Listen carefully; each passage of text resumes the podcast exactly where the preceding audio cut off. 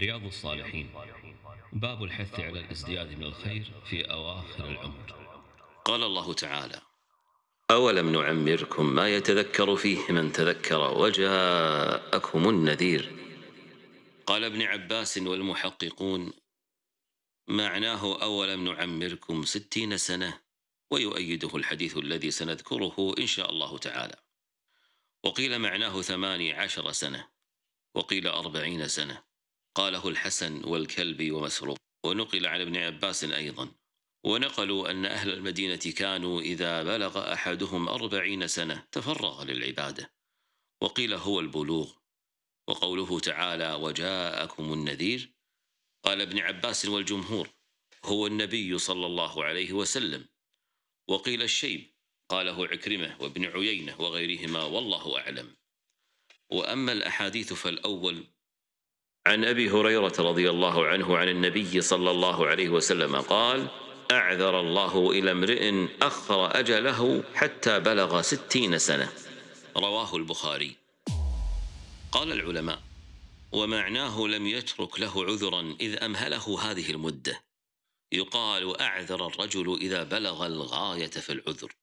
الثاني عن ابن عباس رضي الله عنهما قال كان عمر رضي الله عنه يدخلني مع أشياخ بدر فكأن بعضهم وجد في نفسه فقال لما يدخل هذا معنا ولنا أبناء مثله؟ فقال عمر إنه من حيث علمتم فدعاني ذات يوم فأدخلني معهم فما رأيت أنه دعاني يومئذ إلا ليريهم. قال ما تقولون في قول الله تعالى إذا جاء نصر الله والفتح؟ فقال بعضهم أمرنا نحمد الله ونستغفره إذا نصرنا وفتح علينا وسكت بعضهم فلم يقل شيئا. فقال لي أكذلك تقول يا ابن عباس؟ فقلت لا. قال فما تقول؟ قلت هو أجل رسول الله صلى الله عليه وسلم أعلمه له. قال إذا جاء نصر الله والفتح وذلك علامة أجلك فسبح بحمد ربك واستغفره إنه كان توابا. فقال عمر رضي الله عنه ما أعلم منها إلا ما تقول. رواه البخاري. الثالث عن عائشة رضي الله عنها قالت ما صلى رسول الله صلى الله عليه وسلم صلاة بعد أن نزل عليه إذا جاء نصر الله والفتح إلا يقول فيها سبحانك ربنا وبحمدك اللهم اغفر لي.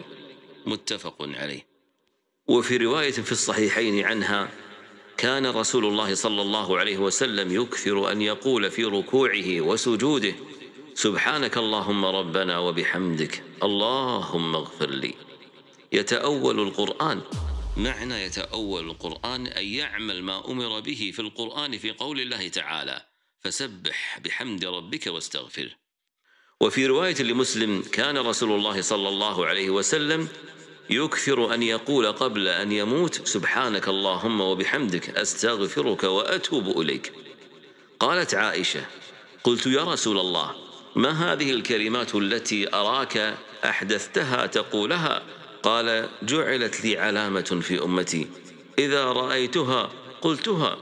إذا جاء نصر الله والفتح. إلى آخر السورة.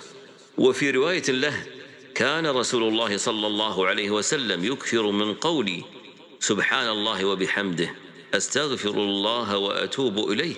قالت قلت يا رسول الله أراك تكثر من قولي سبحان الله وبحمده أستغفر الله وأتوب إليه. فقال أخبرني ربي أني سأرى علامة في أمتي فإذا رأيتها أكثرت من قولي سبحان الله وبحمده.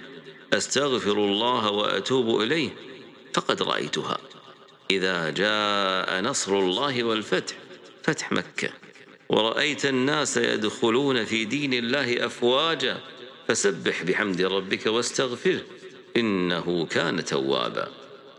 الرابع عن أنس رضي الله عنه قال إن الله عز وجل تابع الوحي على رسول الله صلى الله عليه وسلم قبل وفاته حتى توفي أكثر ما كان الوحي. متفق عليه. الخامس. عن جابر رضي الله عنه قال قال رسول الله صلى الله عليه وسلم يبعث كل عبد على ما مات عليه. رواه مسلم. انتهى الباب.